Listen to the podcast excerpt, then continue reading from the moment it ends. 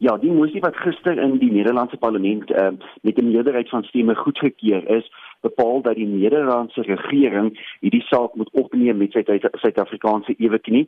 Ehm um, die moesie vra dat die dat daar druk geplaas word op die Suid-Afrikaanse regering uh om nie voort te gaan met hierdie stappe nie, maar dat ander internasionale remedies ook ehm um, ondersoek moet word, dat daar gekyk moet word uh, na ander forums. Ek dink hulle verwys waarskynlik hier na byvoorbeeld die Verenigde Nasies uh of selfs die Europese Unie, uh Europa en Nederland ingesluit is natuurlik 'n belangrike handelsvernoot van Suid-Afrika. So ek dink dit is heeltemal moontlik vir die Europeërs om druk te plaas op op Suid-Afrika om te sê julle moet baie mooi dink oor eiendomsreg. Julle maak 'n groot fout indien eiendomsreg in Suid-Afrika bedreig word. Dis 'n bietjie van 'n sprong van uh, Europa, net een Europese land op die oomblik na die VN toe, Jaco. Ja, nee, verseker, ek dink ons is nog nie daar nie. Kyk, uh, laat ek sê hierdie is 'n eerste stap. Die Nederlandse parlement het nou gister op hulle laaste dag van sitting um, dit aanvaar. Uh, ons werk reeds vir 6 maande um, hier aan. Um, ek het self um, met 6 Europese lande die afgelope paar maande gewerk en ek verwag dat ons hierdie selfde uh, sal sien ook in ander parlemente oor die volgende paar maande. So, um, die die poging om internasionale druk toe te pas is baie baie groter as net die Nederlandse parlement. Um, en ek verwag dat ons uh, oor die volgende paar maande definitief baie baie meer druk op die Suid-Afrikaanse regering sal sien van ander lande soos wat ons uh, natuurlik eerstens um, net sê presies wat het gebeur weer die afgelope tyd die proses verduidelik aan die buiteland en dan natuurlik ook die risiko's verduidelik van wat kan gebeur um, indien die grondwet uiteindelik gewysig word en grondonteiening sonder vergoeding moontlik is.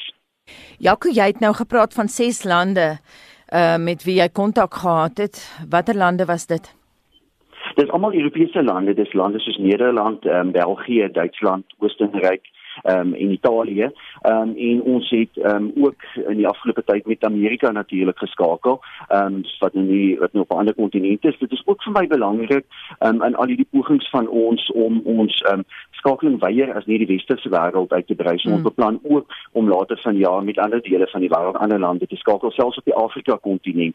Ehm um, omdat ons ook sien dat daar uh, groot suksesverhale in Afrika is as jy byvoorbeeld kyk na lande soos Rwanda uh, en ander waar daar sterk ekonomiese groei is juis omdat daar deesdae klem gelê word op eiendomsreg en die beskerming van eiendomsreg. Hoekom het julle nie al met ander Afrikane begin praat nie en hier begin voordat julle Europa toe gegaan het? Ja.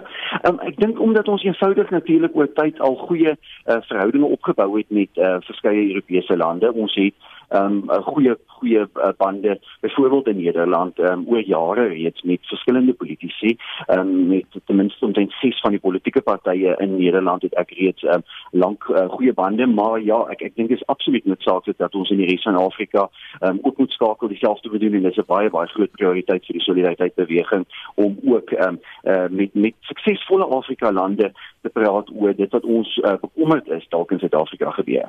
Baie dankie en so sê solidariteit se hoof van internasionale skakeling Jaco Kleinhans.